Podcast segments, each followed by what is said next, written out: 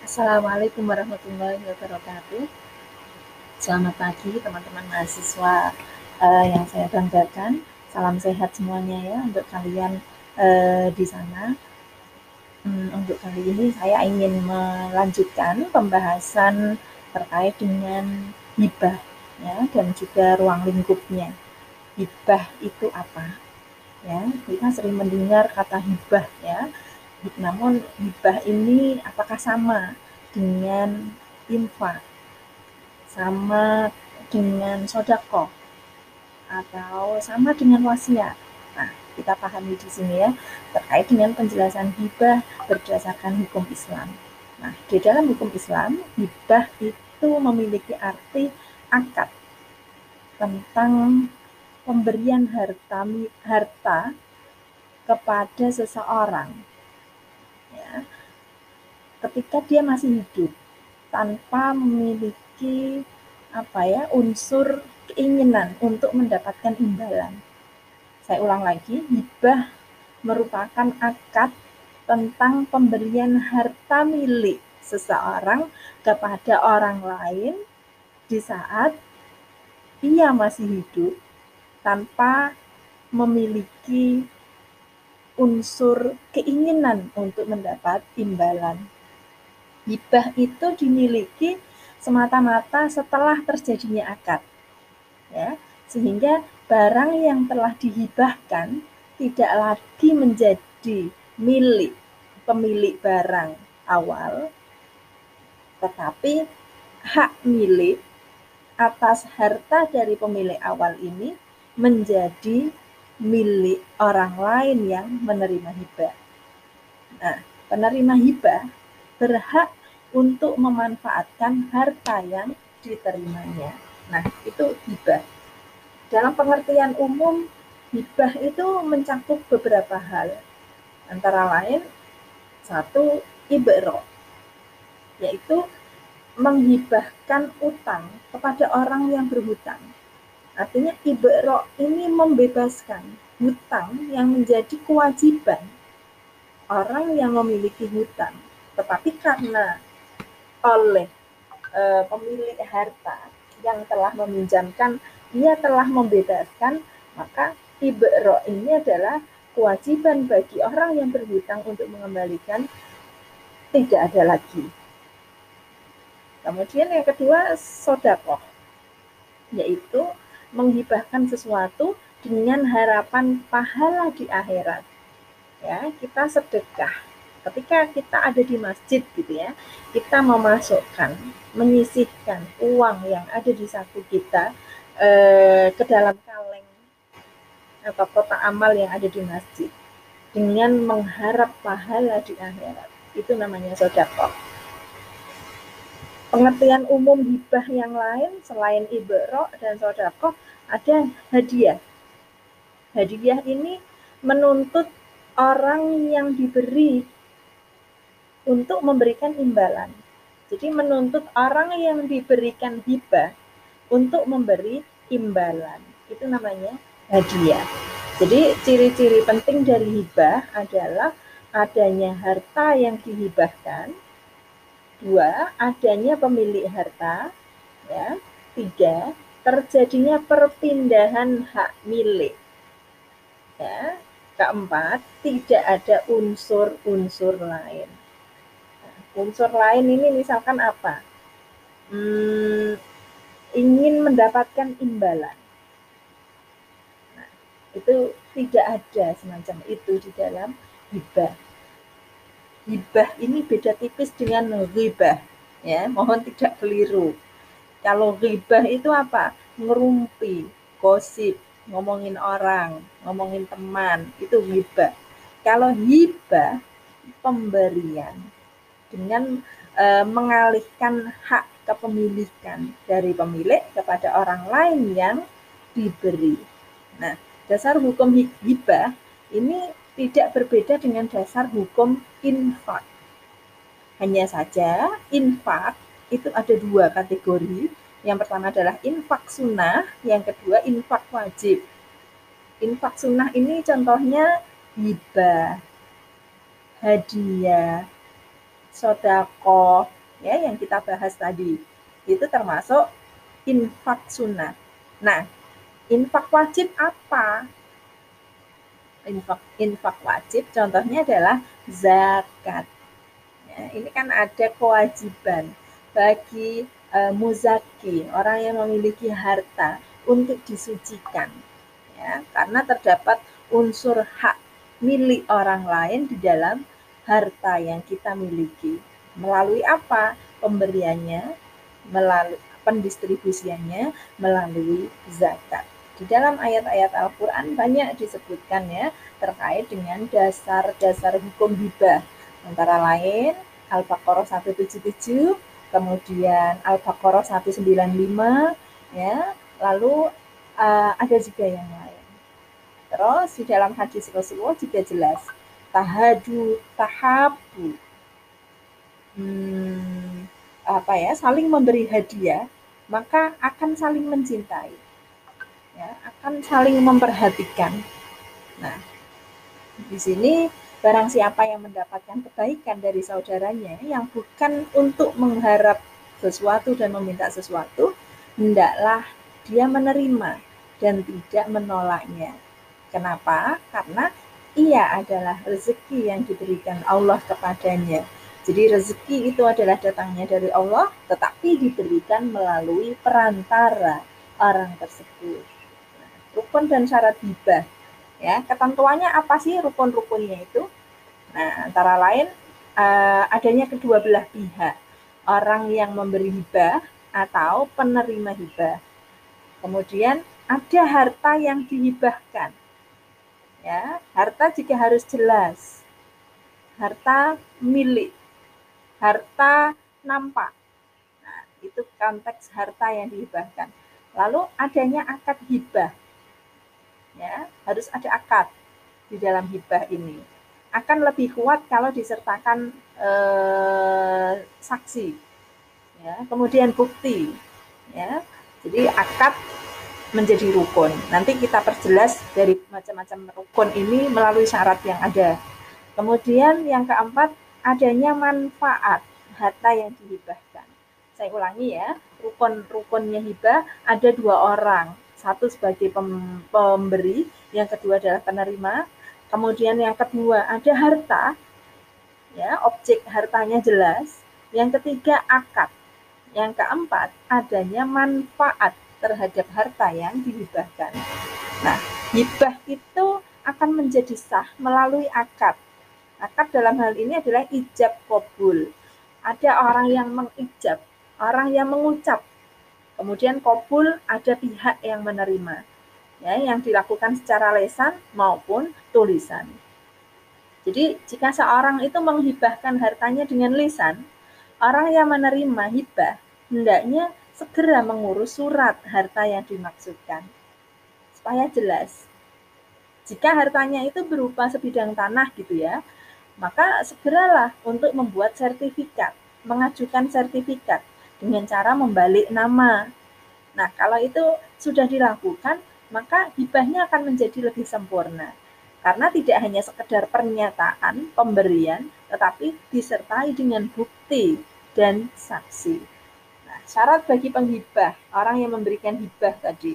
Orang yang memberikan hibah memiliki objek benda yang dihibahkan. Jadi itu hak miliknya, bukan orang lain, bukan milik orang lain. Orang yang memberikan hibah e, dibatasi haknya. E, maaf, bukan dibatasi haknya karena suatu alasan. Jadi tidak ada batasan hak. Orang yang memberikan hibah juga dewasa. Syaratnya ya, kemudian juga tidak dipaksa. Sebab hibah itu akad yang mempersyaratkan keridoan dalam keabsahannya.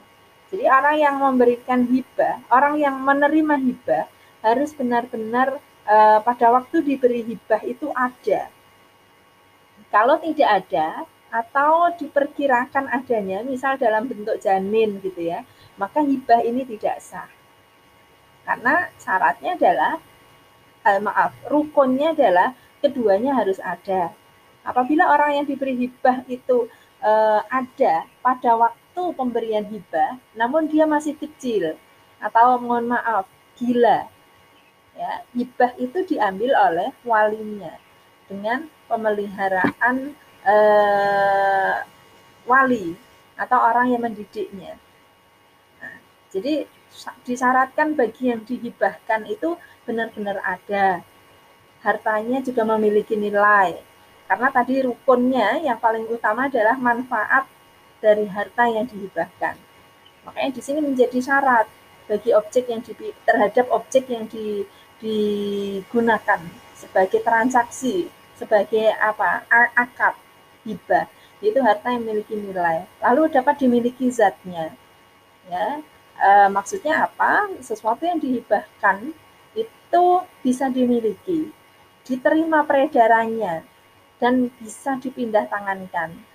Tidak sah kalau kemudian menghibahkan air di sungai saya hibahkan air kepada kalian, tetapi air itu ada di sungai. Silahkan Anda ambil sendiri. Ini tidak sah. Tidak sah juga menghibahkan ikan di laut. Ya, kemudian menghibahkan burung di udara, masjid yang sejatinya itu adalah milik umum, tidak dapat dihibahkan. Karena apa? Syaratnya tadi adalah harta yang dihibahkan adalah milik sendiri. Ya. Nah, ini bisa diimplementasikan dalam wujud yang lain. Misal di dalam konteks ekonomi yang sekiranya keuntungan dalam transaksi itu masih dalam angan-angan ya, masih belum jelas. Ya, ini kategori apa? Belum dimiliki zatnya, wujudnya itu masih belum nampak.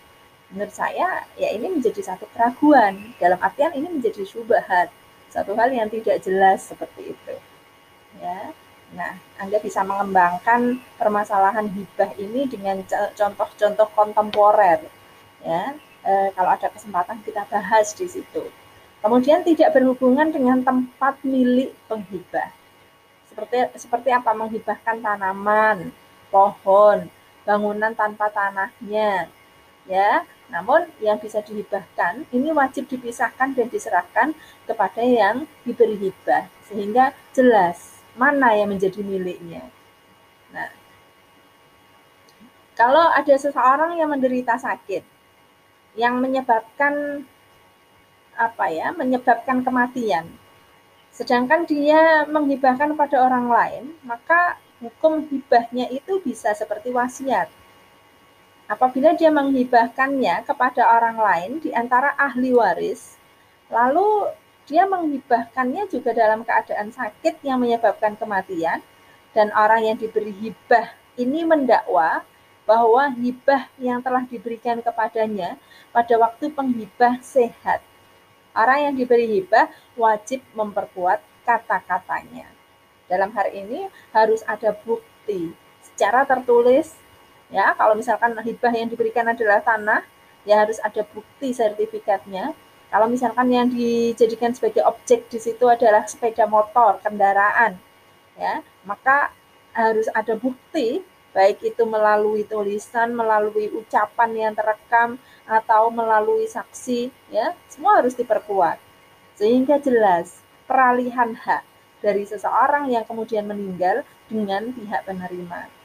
Bila tidak diperkuat, maka hibah itu akan menjadi tidak sah. Ya, kecuali apabila diperbolehkan oleh semua ahli waris. Tentu akan menjadi konflik internal di antara para ahli waris. Kalau ternyata bukti yang menguatkan peralihan hak itu tidak ada, ya, semacam itu. Nah, hibah dapat dinyatakan sah juga jika harta yang dihibahkan ini benar-benar berpindah tangan. Ya, sebagaimana yang saya katakan, misal telah terjadi perpindahan hak milik atau telah dilakukan balik nama tadi ya terhadap tanah. Nah, atau e, bukti secara lesan yang tidak tertulis namun ada bukti penguat, misal melalui rekaman. Sekarang era milenia gitu ya. Kalau misalkan tidak sempat untuk menunjukkan bukti yang secara tertulis, maka sementara waktu bisa digunakan sebagai bukti ya selama eh, apa pemberian saksi di dalam rekaman itu memang bisa dikenali.